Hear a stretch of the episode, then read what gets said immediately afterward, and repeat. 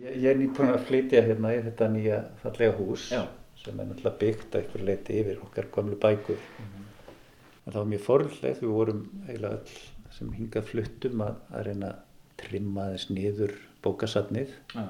Grísja. grísja og þá fór maður svolítið að spyrja sig sko, hvað, hvað er bókin sem hlutur og hvers virði er hún og það var nú ykkur hér sem að benda á það að, að þó að bækur séu ekki endilega allar mjög ódýrar að þá eru fæstar sem kostorðið meira heldur en leikúsmiði og það er svolítið gaman að bera þetta saman. Þú geymir ekki leikúsmiðan þú bara fer í leikúsið og nýtur þess að horfa á verkið og svo bara lifir það með þér eða ekki. Og, og, og kannski ef maður lítur á bókina sem bara eins og hvern annar leikúsmiða þess að bara að lesa bókina þá er þá neistlunni lokið. Og okkur að geyma hana?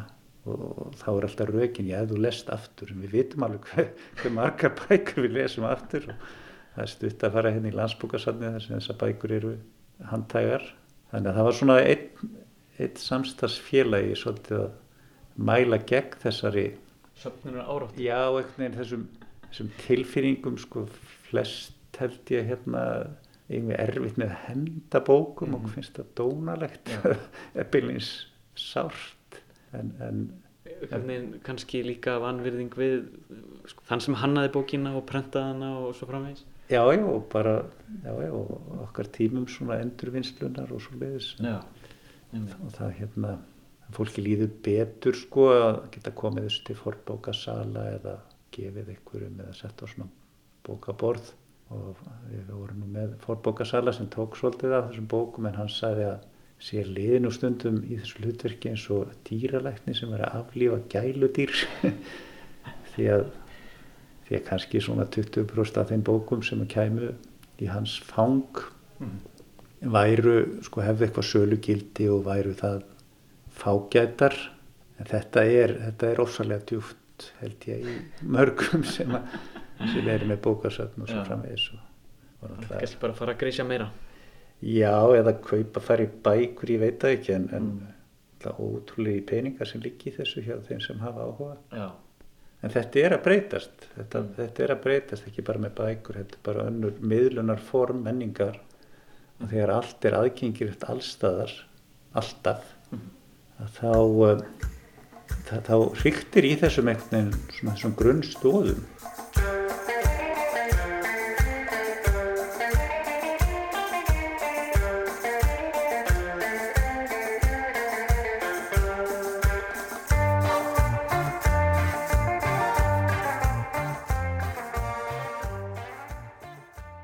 Komið sæl.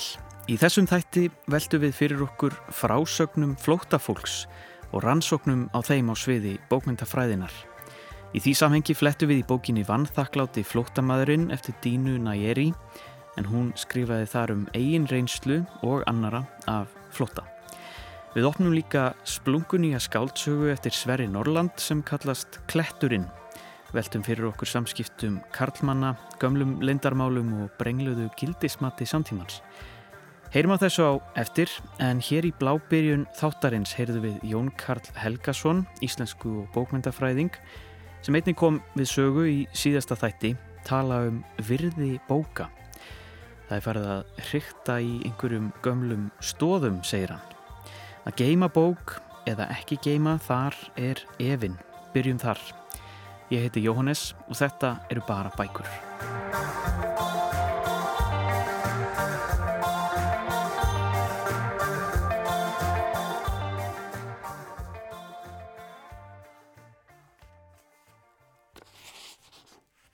Það er jafn auðvelt að henda bók og að velja sér líffæri til þess að fjarlæga.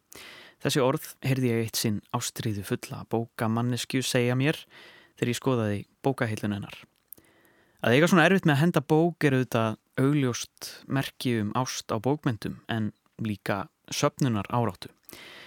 Fyrir svo marga bókaorma eru bækur einhvern veginn viðkvæmastar. Það er valla til svo bók sem má henda.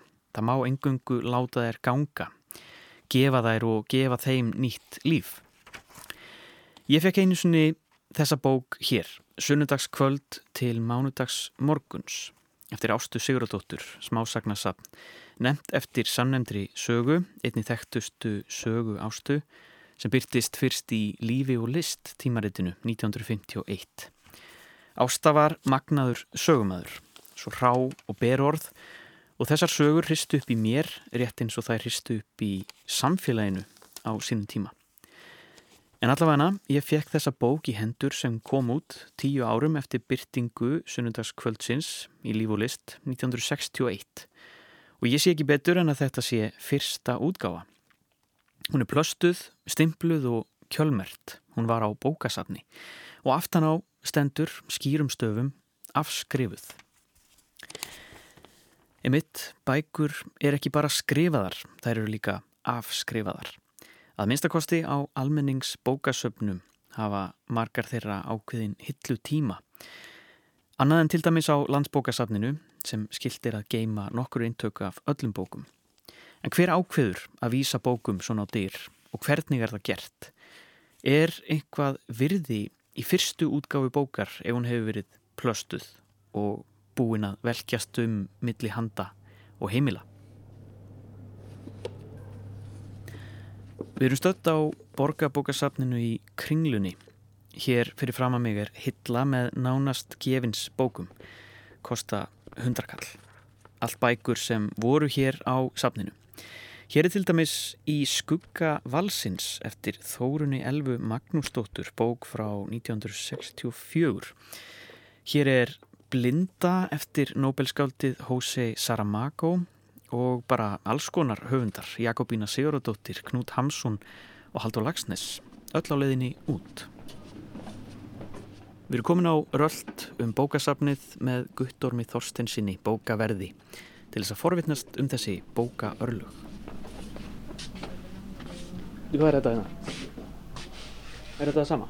Já, þetta er sérst afskrifaðar bara hérna, við erum með barnabækurna þarna sko mm. við erum oft með svona útsölu á þeim svolítið eða svona, er, þær eru ekki alltaf frammi það er tekið í svona hollum sko mm -hmm. uh, þessi er búin að vera svona lengur það er alltaf alltaf eitthvað við búið hér þetta, þetta eru skáldsögur aðalega þetta verður störa aðalega skáldsögur en, en hérna það er nú einhverja fræðibækur hérna sínist mér líka mm -hmm. svo erum við með svona fastan þarna uh, sem sagt vagn eða hillu þarna við gluggan þar sem er, er, hún er alltaf uppi eða sko. Þannig að hérna þannig að það, fólk getur alltaf trist á já, þennan stað. Það er, það er svo mikið sko sem fellur til. Það er svo mikið sem fellur til. Bækur koma, bækur fara. Og Guttormur er einn dýra varðana í húsinu. Ég er núna hérna fara í gegnum 900 flokkin svo kallaða uh, sagfræðina og er hérna uh, búin að fara í gegnum alla eh, setni heimstyrjöldin á Európusögu og Frakland og Þýskaland en nú er erfiðari kablinn, það er sérst Íslandssagan. Og það er að því að það er svona, mann finnst maður hafa kannski svona sem bókastarfn þá er maður kannski meiri svona skildur til þess að varðveita alls eins hluti þó því sík einhverjum stanslösum útlánum.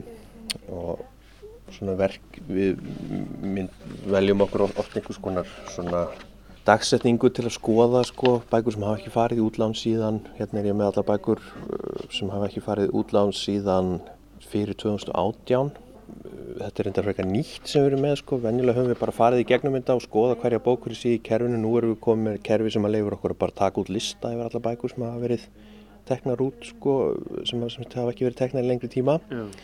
og svo bara takmarkaði yfir mig þau svið sem að ég er með. Mm -hmm og þá get ég farið bara beint í hillun á síðan sko. En ég, reyndar, ég er enda líka í leiðinni að laga alls eins þú veist skráningavesen sem kom upp í, í hérna þegar við skiptum um kerfi og, og hérna uh, sjá passa að þú streikamerkin séu rétt og eitthvað svona sko. Mm. þannig að ég er ekki bara svo sem að afskrifa í leiðinni.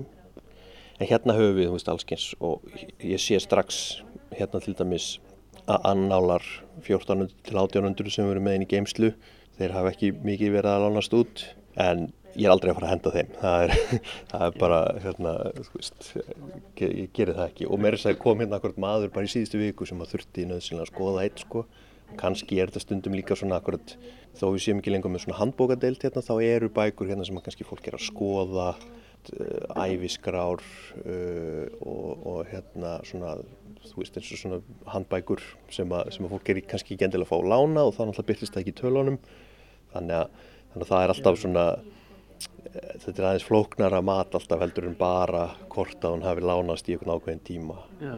og svo skoða maður hvað hún til um einhverjum söpnum, segjum til dæmis ég eigi kannski einhvern hérna einhverjar fágetarbækur eða svona kannski ekki fágetar en svona bækur sem hann finnst að safnið þurfu eiga eins og sög, íslenskan sögu atlas en svo eigum við kannski þrjú eintök á og svo eru kannski einhver orðin svolítið ítla farin og svo sér maður að það er tilfullt að þessu líka nýri bæ og eitthvað svoleiðis og þá kannski hugsa maður að það megi fara nýri tvö eintök eða eitthvað svoleiðis mm. og auðvitað að því að við erum með sko það sem ég gera venilega ég fer hér í heiluna það sem þetta er allt bara til útlána mm -hmm.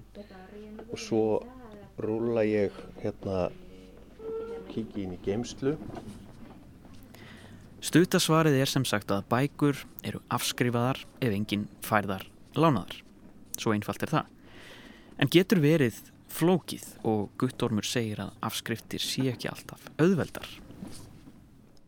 Ástæðan fyrir bestöndum í þessu alltaf þó að okkur kannski það er svona fyrst þegar ég kom hérna að byrja að vinna safninu var þetta náttúrulega erfitt einhvern veginn að fara, þurfa að fara að afskrifa bækur og eitthvað svona en það er náttúrulega bara þannig að við erum svona cirka bát búin að fylla upp í okkar heilur í mig þannig að við erum alltaf að kaupa nýjar bækur og þá þurfum við bara jafnmargar bækur að fara út sko Já. á móti Þannig að þetta er ringrás Þetta er alltaf hlir ringrás hérna... sem, er, sem er náttúrulega, maður hugsa alltaf um bókasapn sem staðurinn þar sem bókum er sapnað og þær staplast bara upp en þetta er, þetta er svona hver bók á sinn lífsferil svolítið.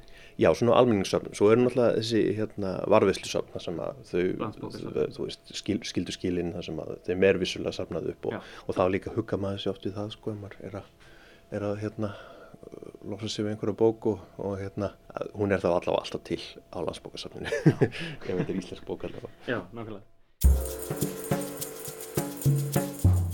Ekki örvenda kæru hlustendur sem eruð eða ætlið að grísja bókaskápin Þetta er allt til á landsbókasafninu.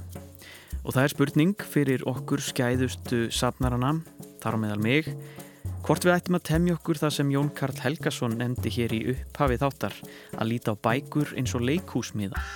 Að lestri loknum gefum við bækurnar einhverjum öðrum. Við getum líka skilið bókina einfallega eftir á fjölförnum vegi, handa ókunnum, ekki afskrifuð, heldur frelsuð.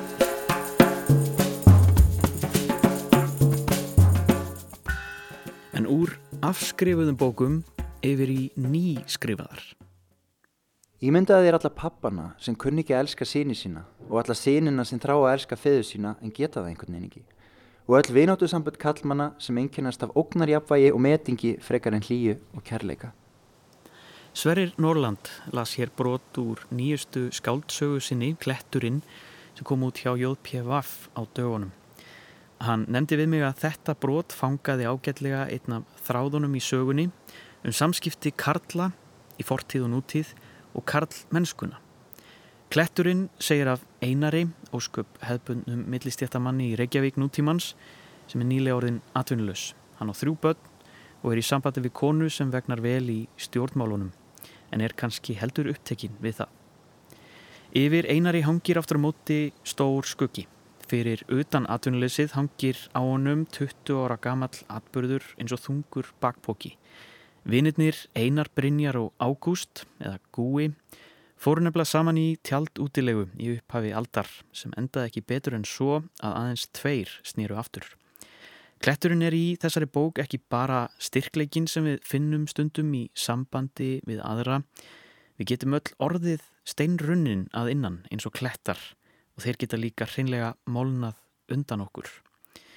Og nú stöndum við á klettabrúninni á samt Sverri, þó reyndar bara í huganum, við erum stödd á vinnustofu hans. Kletturinn er, er saga af þremur mönnum, þetta er, það eru Einar, Brynjar og Ágúst, kallaður Gúi. Og við fáum náttúrulega, veist, insýn í líf þeirra á mismundi tímabilum. Við förum alveg þegar þeir eru ungir, ungir drengir og svo eru þeir orðnir hérna svolítið svona snem miðaldra. Eh, Þú gafst út bók 2014 eh, sem hitt Kvíðasnillingarnir. Já, það voru svona þrýr karlar, þrýr drengir uppvakstarsaga Hvað er þetta með eh, Karla þrýegið? Wow, já, já, þetta er vel gert að koma, ég hugsaði út í þetta, kviðasnitningarnir kom út með 2014 og þessi núna og ég var að hugsa um þetta þó ég hafi svo, svo kannski ekki tvært það í orð en klökklega hérna, álítið af þér að, að, að, að draga þetta saman. Ég held að óhjákvæmilega þá erum við alltaf að höfundar er alltaf að krifja ólíkar hliðar á sjálfum sér og jafnvel þegar eins og ég geri þegar ég tek einhvern annan sem ég jafnvel þekki eða splæs einhverjum saman þá smitast eitthvað mér út í persónusköpununa og þetta eru þrjár, er, ég með þess að þrjár hliðar held ég á sjálfum mér Já. það er innleitna típan sem getur verið feiminn það er íþróttastrákurinn sem er svona út á við og kraftmikið og aðtapnasamur mm -hmm. og svo er það einn svona, svona típa sem er svolítið dul og dindótt og einhvern veginn svona mm. þannig að þú veist það er bæði þú veist hérna, sterkir alfa það er lúðin sem er inn í sig og, og, og eitthvað, þú veist þetta er svona þetta er einhverja þrjálfliðar á mér mm -hmm. og það er í þessari sögu er það þannig og, og, og fólk heldur dæmis líka fyrir allra augum eftir mig sem kom á 2016, hún er líka svona fyrstu personu frásögn um, um, um mann sem sannsagt er kannski, þú veist það eru aðra personu sem drífa atbyrðar sinna áfram mm. og þau haldur ofta að ég sé típan og, og ofta ég hafi upplifað það sem ég er að lýsa sem er nú bara þá böndið til þess að þetta sé samfarrandi en það er aldrei þannig, þetta er alltaf alveg uppspunni mm. og fyrsta personu, aða personu er oft kannski svolítið svona ekki endla passívari að því hún alltaf gerir eitthvað en passívari en aðrar stærri eða svona sterkari personur vegna þess að okkur finnst gott að ferðast með þannig sögumanni og fylgjast með hinnum personunum gera hluti ef við værim að ferðast með þeim þá væri það þá væri það held ég þá, þá, þá, það, það er erfiðara bara upp á sögubygginguna sko. mm. þannig, að, þannig að þú veist þetta eru allt einhverja þrjár bara já, hlýðar á mér og öruglega í mörgum Já, akkurat, Við, sko, við tölum um í samskiptu við fólk, við tölum oft um annað fólk sem svona kletturinn í lífi okkar svona þessi manneskja er búin að vera kletturinn í gegnum erfileika eða eitthvað svoleiðis. Mm. en þarna er kletturinn allt annað og, og þarna er vofveglegur atbyrður, skuggalegur atbyrður og, og það er bara skuggi sem hangir hérna yfir þessum tveim munum bara eins og kápunni. Mm.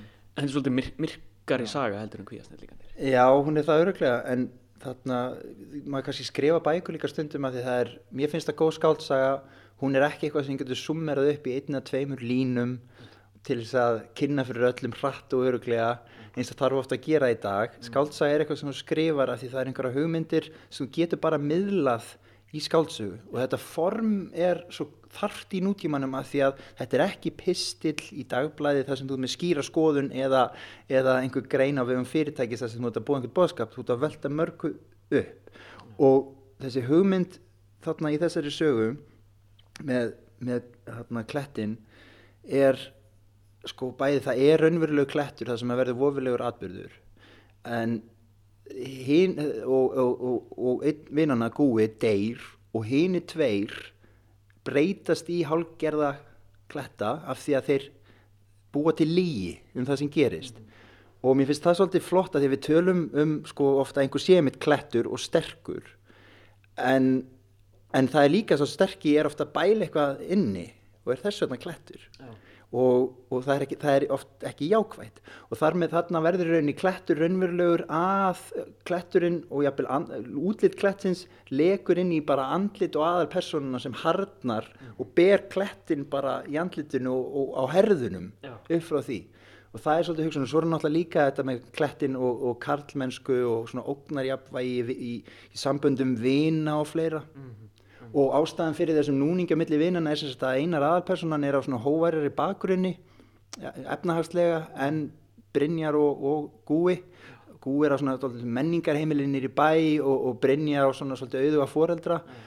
og aðalpersonan einari finnst óbúinlega erfitt að þykja frá þeim þann stuðning sem vinnirni vilja gefa honum af því hann er ekki vanur því mm. og það er líka einmitt svona, svona karlmennstu tengt og ekkit bara karlmennsku bara hjá fólki almennt það er erfitt að þykja frá öðrum mm að því þá myndast oft ójapvægi í vináttu.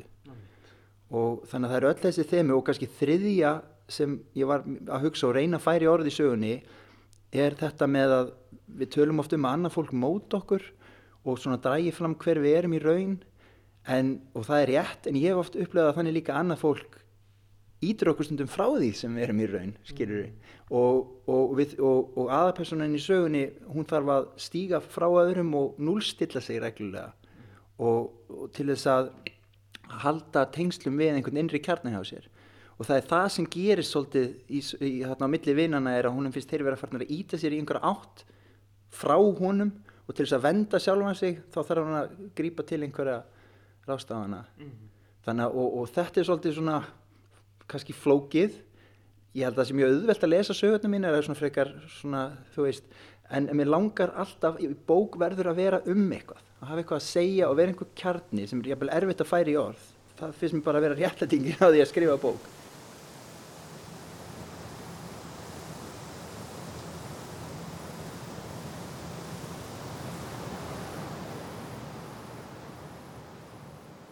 En það sem að mér langaði líka að fara út í er, uh, eru óbyggðirnar í svona kannski víðum skilningi. Og ég ætla að byggja um að lesa smá brot. Já, ég með þetta hérna. Þú með þetta hana? Okay. Já. Þetta er sagt, byrjunin á 31. kapla. Það sló mig æfinlega þegar ég jóg út úr Reykjavík að eins hálf tíma eftir að borgamörkin lága baki var landslæðið orðið svo stórbrótið og ægilegt. Svört híminn á fjöll, grængólandi haf, vildir ránfuglar. Þessi afskekta eiga okkar var í byggð og samt ekki. Á Íslandi vorum 45% á óbyggðum Evrópu. Ætli þetta sé ekki ymmit sama hlutfall og innra með hennum siðmentaða manni. Við erum 55% taminn, 45% vilt og stjórnlaus. Á Íslandi mátti æfinlega fá áminningum um það með því að fara í stuttan bíltúr. Stóri vendipunkturinn í þessari sögu er tjaldútilega ungra manna, mm -hmm. þessar að þryggja mm -hmm. Í svona hálfgerðum óbyðum eða þú veist, þeir fara út fyrir og þeir séu bara rétt hjá borginni, rétt hjá borginni.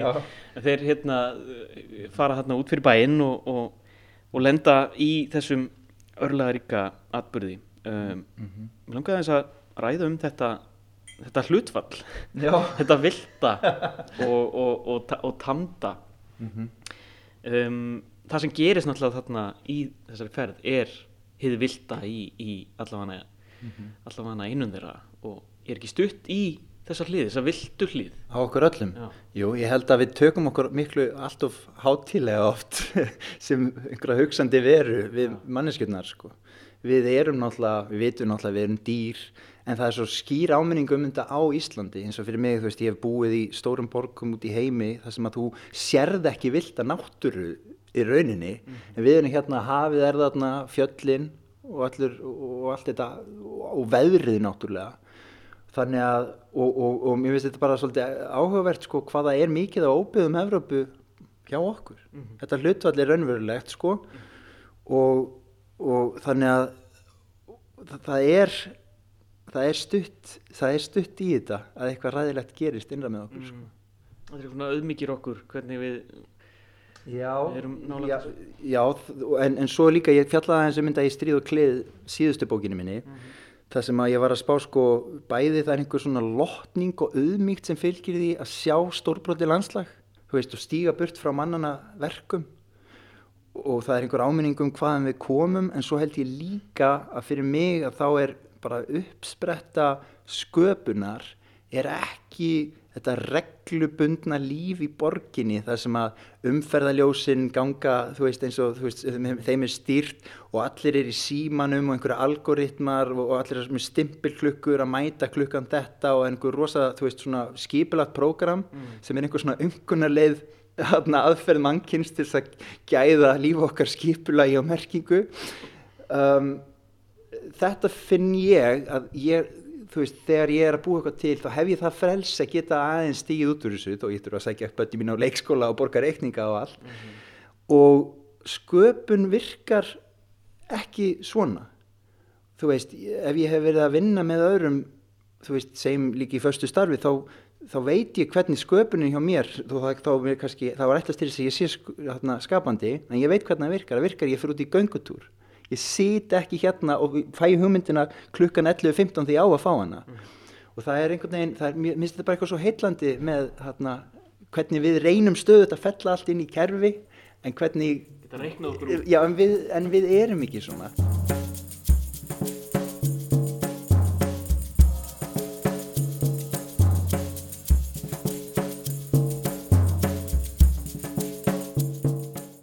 þess vegna vil ég eins og í klettinu líka bara skrifa hverstagslega sögur um sambönd fólks og sambönd líka þú veist Karla, ég er ekkert alltaf bara að skrifa um Karla fjari því, mm en mér finnst verið eitthvað, mér finnst ekki margir fjalla um sambönd Karlmanna.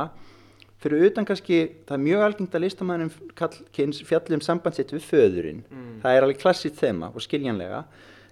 Og svo um æsku sína og kannski stundum æsku vini og svo um sjálfan sig, Karlin í krísu, en allir þessi litlu núansar í vináttu Karlmanna og, og þessi ógnar, þetta ógnar metingur eða jafnvægi sem er oft þar undir liggjandi þú veist, kallar þurfa svo ofta að hafa eitthvað svona prójætt til að halda vinnóttinu gangandi.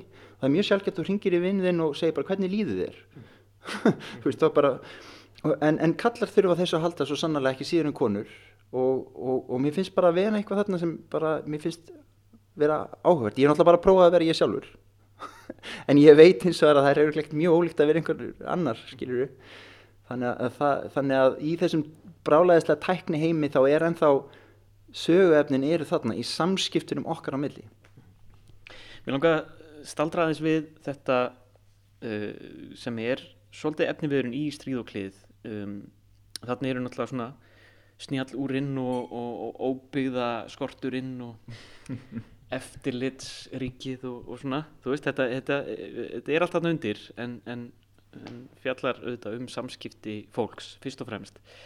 En í veröldin núna þá erum við með þessa margumtöluðu algoritma og, og, og, gerfigrindinni sem er að þróast en hvað verður um sko bara gildismatið okkar? Af því að sko ef, ef allt er einhvern veginn bara til og allt er einhvern veginn á sama tíma og við, veist, erum við að missa einhvern veginn tökin á bara að geta bara dæmt um hvað er gott og hvað er vond mm. og og þá er ég að tala um, veist, í sambandi við þessa sögu mm -hmm. af því að mm þannig er náttúrulega mm -hmm. í lokin eru stóra spurningar sem að, þú veist, kannski á ekkit endilega að nýta eitthvað enda hnúta á, en svona veist, gerði ég rámt á mhm. ég að á mér að vera refsa fyrir það já.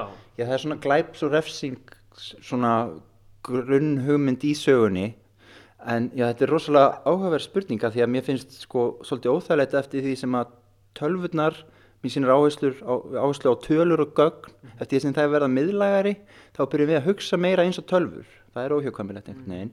Og, og það er dæmis bara þetta með að við, alltaf, við sjáum alltaf sko hversu margir eru búin að lesa þessa grein eða hvað engun fær þetta og hver er skalin 1.5, 1.10 hvað þýðir það? -hmm. hvað þýðir svona að tala? Notum við ekki frekar orð til að lýsa því hvernig, hvernig, hvernig uppluninu var? Getur tölur leist orð af holmi?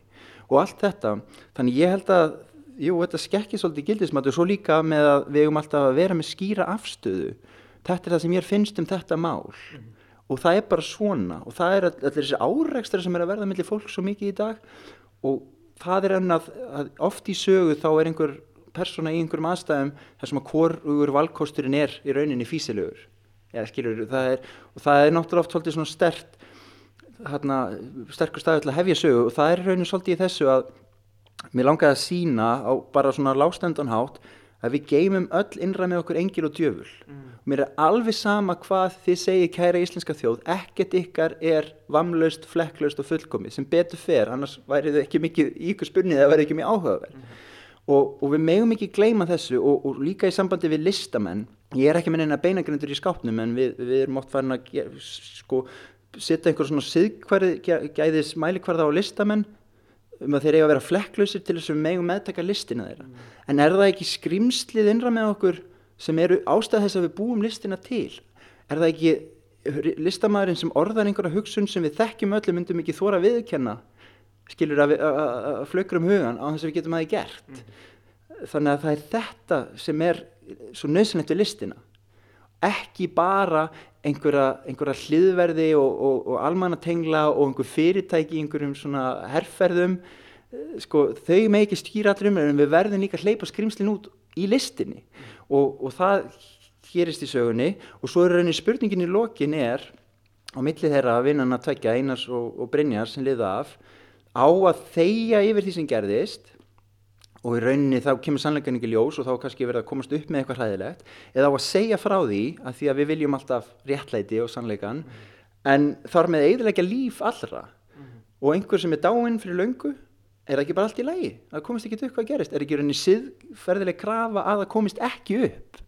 Þó þú hafi gert eitthvað hræðilegt og svona hlutin finnast mér bara áhugaverðir. Mm -hmm. og, og ég vil ekki heyra svarið já eða nei. Ég vil heyra svona núanserast flókið svar. Skilur það sem ekki komist að niðurstu Við þökkum Sverri Norrland fyrir góðar mótökur og spjallið um nýjustu skáldsöguna hans Klettin. En höldum næst yfir í óskáldaðar bækur bækur um fólk á flótta Í flóttamannabúðum eru sögurnar mikilvægastar. Allir eiga sér sögu eftir að hafa sloppið nömlega með skrekkin. Allir er í byðstöðu, hafa kvorki leifi til þess að vinna nýja fara burt, verða sætta sig við að hafa lent á nýjum stað í veröldinni.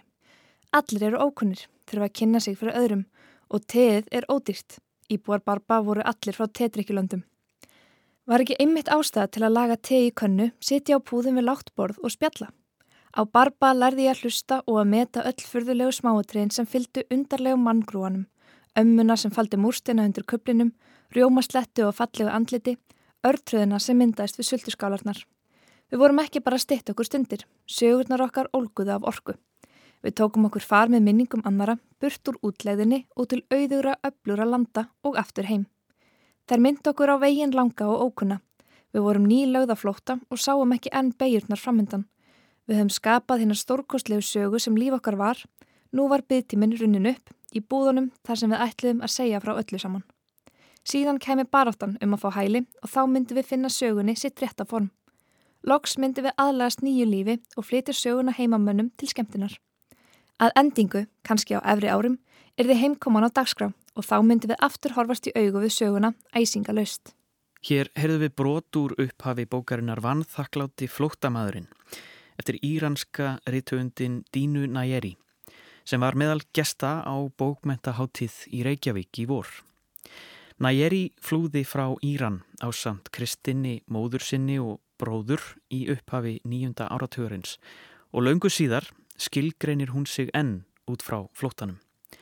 Í vanþakláta flótamanninum fléttar hún sögur annara flótamanna og hælisleitenda á síðustu árum saman við sína eigin sögu og varpar ljósi á ægivaldið sem fælst í því að velja á hvern er hlustað, hvernig ein saga er metin mikilvægari en önnur og að dýrmætasta eign flótamannsins er einmitt það, sagan.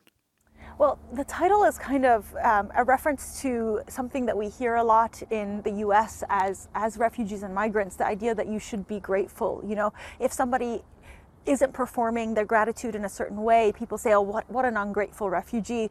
And they don't say that about other groups of people. So there's this implication that you should not only be grateful all the time, but perform your gratitude for the sake of the native born. So the title is there because I want to argue against that. I want to say people are grateful in their hearts. Yes. You can't direct their gratitude in a certain way. And they shouldn't have, refugees, migrants, they shouldn't have to perform their gratitude for the benefit of people who were so lucky to be born in a better place than they were born, you know? Þetta er Dína Najeri í sjónarsviðtali við Egil Helgason í Kiljunni um það leiti sem bókmyndaháttíði Reykjavík fór fram. Najeri talar hér um titil bókarinnar sem vísar í þá kröfu að flóta fólk eigi að sína stöðugt þakklæti. Eða gerir það ekki er það álitið vanþakklátt af heimamönnum. Þau sem flýja þurfa því ekki aðeins að vera stöðugt þakklátt heldur sína það. Næjeri vill afhjúpa og mæla gegn þessu að flóta fólk og innflytjendur ættu ekki að þurfa stöðugt að bera þakklæti sitt utan á sér til þess að friða þau sem eru svo heppin að fæðast inn í betri heimsluta en þau. Í Háskóla Íslands er nú kent námskeið í bókmyndafræði þar sem nefendur fá insýn í bókmentir innflytjenda undir handleðslu Gunnþórunar Guðmundsdóttur, professor í almennri bókmyndafræði. Ég fór á hennar fund til þess að komast að því hver nálgun fræðana hefur verið gagvart bókmentum flótafólks og innflytjenda og Gunnþórun sem hefur kent námskeið af þessum toga áður bendi mér fljótlega á að sjálft nafn námskeiðsins er í raun ekki fullkomið. Þetta er námskeið sem heitir bókmentir innflytjenda en ætti eiginlega heita bókmyndir fólks á ferð vegna þess að innflytjandi er eiginlega ekki alveg orðið sem við erum að tala um. Þegar við hugsaum um innflytjanda það hugsaum við oft um manneski sem hefur bara komið einhver starf að og sæst stað í einhverju ákveðnu landi. Mm. Það er innflytjandi. Þannig að yfir höfuð þetta orð ekki alveg nógu gott því að það sem ég er að hugsa er migrasjón, fólk á ferð, bókmyndir og migration. Mm. og það sem ég kannski er að byrja á því að segja nefndum að það er ekki tilnett sem heitir bókmyndir innflytjanda af því að bókmyndir innflytjanda eru bara alls konar bókmyndir af öllum sortum og geta verið um hvað sem er og í hvaða formi sem er og svo framvegs og framvegs mm. og umfjöldunar efnið hvað sem er. En svona textarnir sem við erum að skoða eru náttúrulega fjalla aðeins um það hlutskipti að vera á milli landa, á milli hérna, menningar heima sumir á flókta, sumir í útlegð uh, aðrir tímabundið staðsettir annar staðar. Og þetta er mjög frjótt svæði. Þetta er rosalega mikið svona uh, hægt að skoða í þessu samengi bara það sem tengist til dæmis uh, gömlum heimsveldastefnunni það sem tengist þessum fræðum sem tengjast afnýlenduvæðingu postkolónialisma og öllu því uh, hvernig þetta tengist hugmyndum um austrið, orientalisma og frammeðis mm -hmm hvernig tengist uh, hugmyndum um kynþátt, um kyn og margt, margt fleira og það sem þetta náttúrulega líka kemur mjög mikið inn á, það er tungumálið. Á hvaða tungumáli er, er fólkið sem á ferð að skrifa? Er það að skrifa á tungumáli gamla heimalandsins eða hefur það til einhvað sín nýtt tungumál? Er það fjallabælins um það hvernig er að vera inn í nýju tungumáli sem er mjög spennandi staða og svo er líka bara aðtilsvægt að sjá þessa tilfærslu frá, frá miðjufur og jæðar og hvernig jæðarinn eh, kemur og talar við miðjuna og miðjan dreifist mónandi aðeins víðar út Já. og breytir svo litið bara því málsamfélagi sem er verið að skrifa inn í um, ef, ef við tökum fólk sem er á flótta út fyrir svega, fólk sem er að, að flýja heimkynni sín uh, af hvaða ástæðum sem það er. Um, er, er oft verða úr því bókmentir bæði uh, skrifaðar af fólkinu eða skrifaðar af öðrum? Hefur þetta verið eitthvað rannsakað í bókmentafræðinni mjög nákvæmlega?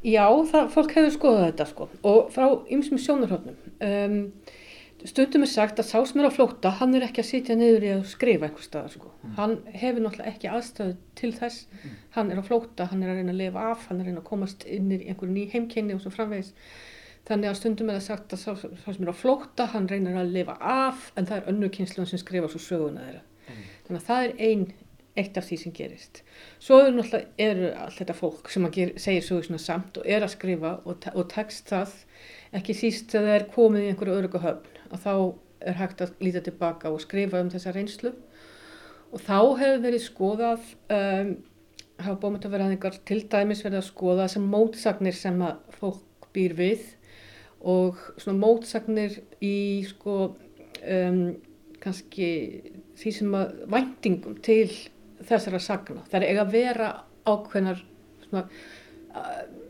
eiginlega frumsögur mm.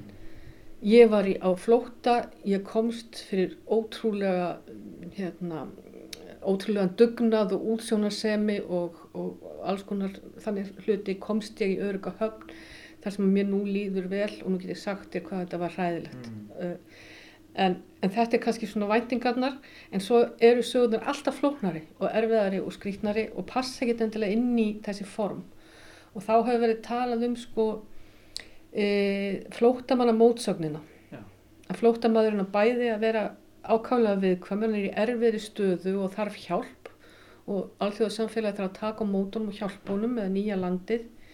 E, en hins vegar þarf hann að vera e, sjálfum sér nógur og sterkur og, og hérna framagjart þegar hann er komin í þessa öruguhöfn mm -hmm. þannig að það eru, það eru gríðarlega væntingar til frásamnana að því að vera á, á einhvern máta svo má nefna í þriðja lagi að ymsir bókmöntafræðingar hafa unnið síðan með til dæmis uh, sakfræðingum sem eru með svona kannski leggja áherslu á munlega sögu og líka félagsfræðingum, uh, hérna, félagsrákjöfum og, og erum alls konar verkefni sem tengjast í að skrá sögur flótamanna. Mm. Og þá er það hugsað bæði til þess að flótamadurinn fái hlustanda það er náttúrulega hlustandin eru sakalega mikilvægur í, í þessari, þessari jöfnu. Mm. og þetta er líka svona ákveðin þerapía einhver liti þetta sé vera gott að segja frá. Það er nú það sem við einhvern veginn erum aln upp við og höldum að sé alltaf satt. Og um, líka til þess að einhvern veginn að auðlast viðurkenningu. Að þegar þú segir þú, þú ert alveg sínulegur og segir frá bakgrunni þínum og þá farið einhvers konar viðurkenningu af því samfélagi sem þú ert að hérna, tala við. Smám saman fannst mér þessi linnilösa frásögn mín verða ódýr sölumennska. Æsku draumar mínir um KitKat og fullkomna banana, draumar mínir um háskólanum. Efasemdafólkið dró álítanir sínar af upplýsingunum sem ég leti í tje. Mér varð hugsa til þess þegar ég sagði sögum mína í fyrsta sinn á ítalskri móttökustöð fyrir hælisleitundur. Hversu lífsnöðsynlegt það rindist okkur, sveittum og þreyttum eftir flóttan, að umbreyta raunum okkar í góða, sannfarandi frásögn, að við vildum ekki hætta á að vera sendt aftur tilbaka. Og þegar við höfum fengið hæli, urðum við að upplifa sömu söguna aftur og aftur til þess að sann okkur og mæta evasendaröttunum. Það líður ekki sá dagur að manneski á flótta sé ekki gert að greina á meitlir sjálfra sín og tækifæri sinnans, efnahagsflóttamannsins. Eins og flestir sem hafa lifað af lífshættulegan flótta voru við fjölskeldan auðsveip, heiminlifandi, þakklátt. En við höfðum borið skada af.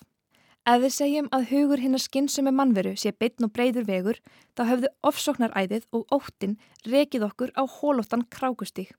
Ég gætt vel verið kátt og raugvís og ráði við breytingar, en það þurft ekki nema eitt orð til þess að vekja upp hughrif sem sundruð tilverinni algjörlega í heilan dag, jafnvel viku. Allt í einu eðast ég um verleika mína og nýjan samastæði í veröldinni. Er ég alvöru flótamaður? Efanum hafði verið sáð.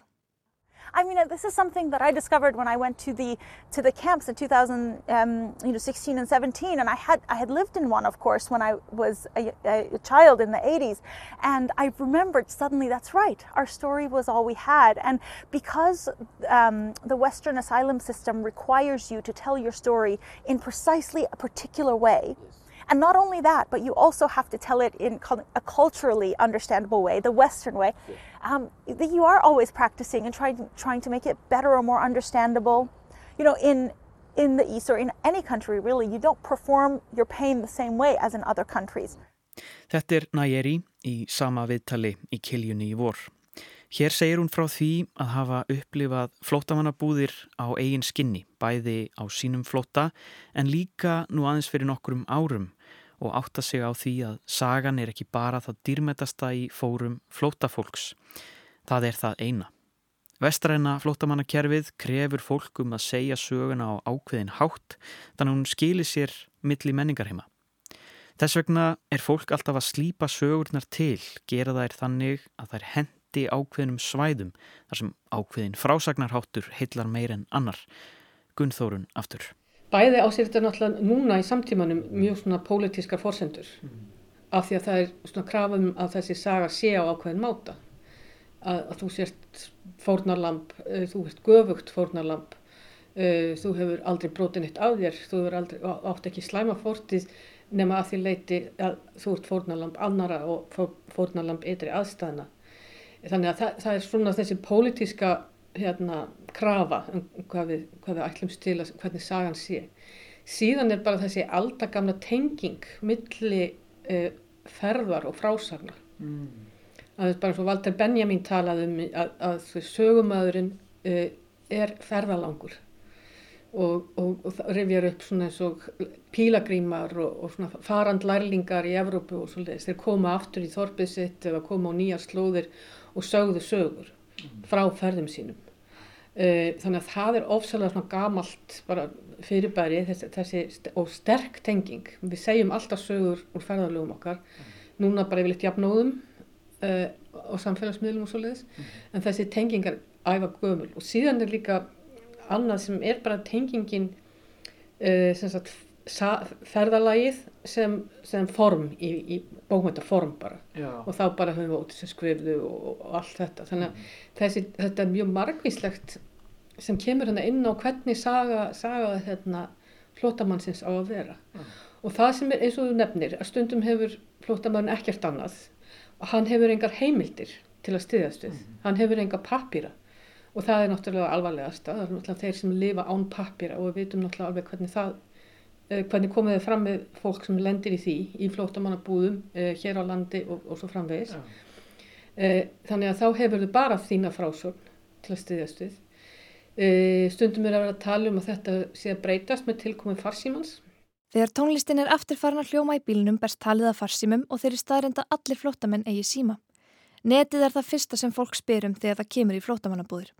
Og það fyrsta sem fólk kvartar yfir? Lélegt netsamband. Það er hægt að fá hræ ódýra síma en samt taka heimamenn þá sem dæmu um að flótamenn séu ofdegraðir og heimtifreikir. Við höfum auga með posthólfunum okkar á Hotel Barba. Við tjekkuðum á postunum á hverjum degi og litum ekki á það sem einhvern lúksus. Ég segist hafa lesið um að Trump-stjórnin sé að hugsa um að leggja niður matamæðakerfið en útlita sérstökum matargjöfum til fátakra. Allir eiga að fá sama pakkan. Þetta eru auðvitað auðmyggjandi fyrirkomulag sem dregur úr valfrelsi fólks, kröftum og reist. Þróunin síðust ár hefur einmitt verið svo að takmarka úrvalið af vörum sem fátækir geta fengið með því að framvísa matarmiða, engin skjálfiskur til dæmis. Sumur líta svo á að það þurfi alltaf að slá á fingurna af fólki um leið og því er veitt björgin. Þeim er skýt sama um geðhelsu flúta fólks, segir Pól.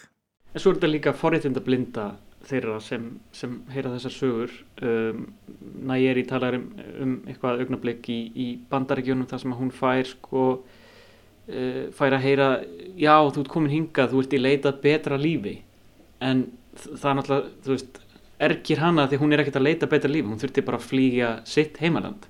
Og þess vegna er þetta eins og maður heyrir bara í orðræðum flótamenn þetta fólk sem vil koma hingað. Og við höldum við, við búum einhverju svona paradís sem allir bara í allan heim þrá áslega mikið að, að búa í. En auðvitað er það ekki þannig þetta, það er bara neyð. Lang flestir í heiminum hafa ekkert val um það hvert er fara. Mjög margir í heiminum hafa ekkert ferðarfælsi hvort sem það eru efnahagslegum eða pólitískum ástæðum. Þannig að þeir sem eru á ferð eru í, fyrir utan uh, forréttenda stjættir sem eru kannski hreyfanlegt vinnuafli í, í hérna í, á vegastrænum löndum. Uh, þá er, það, er fólk að flíu leið og, og þá er líka frásotnin sem ofta er krafist sko að heimalandi er, er hræðilegt hefðir og síðir heimalandsins eru hræðilegir ég ætla að frelsa þið undan þeim og mm. þá erum við komin í alveg bara sko 19. aldar heimsfaldis hugsun ja, um sko, hérna, vannþróaða og, og ja. svo hinn hin þróaða siðmentun sem ég ætla að kenna þér og veita þér aðgang að því gegnum mitt tungumál og mentun og svo framvegs og það er alveg ótrúlega sko, mikið einmir eftir af allir þeirra orðræði sko. Við erum alltaf bara veist, einni tilvíljun frá því að verða flótamenn Já og ekki síst núna á, á, á, þessum lofslags tíðanfélum sko, þá erum við bara þá er það algjörlega tilviljun háð og auðvitað vitum við að þeir sem eru í, í hérna fátakari löndum eru við, viðkomari fyrir sko og fyrir lofslagsbreytingum eins og við bara horfum upp á bara hverjum einasta degi núna sko að þetta, þetta er, veist, við getum verið þessari stöðu bara hvernig sem er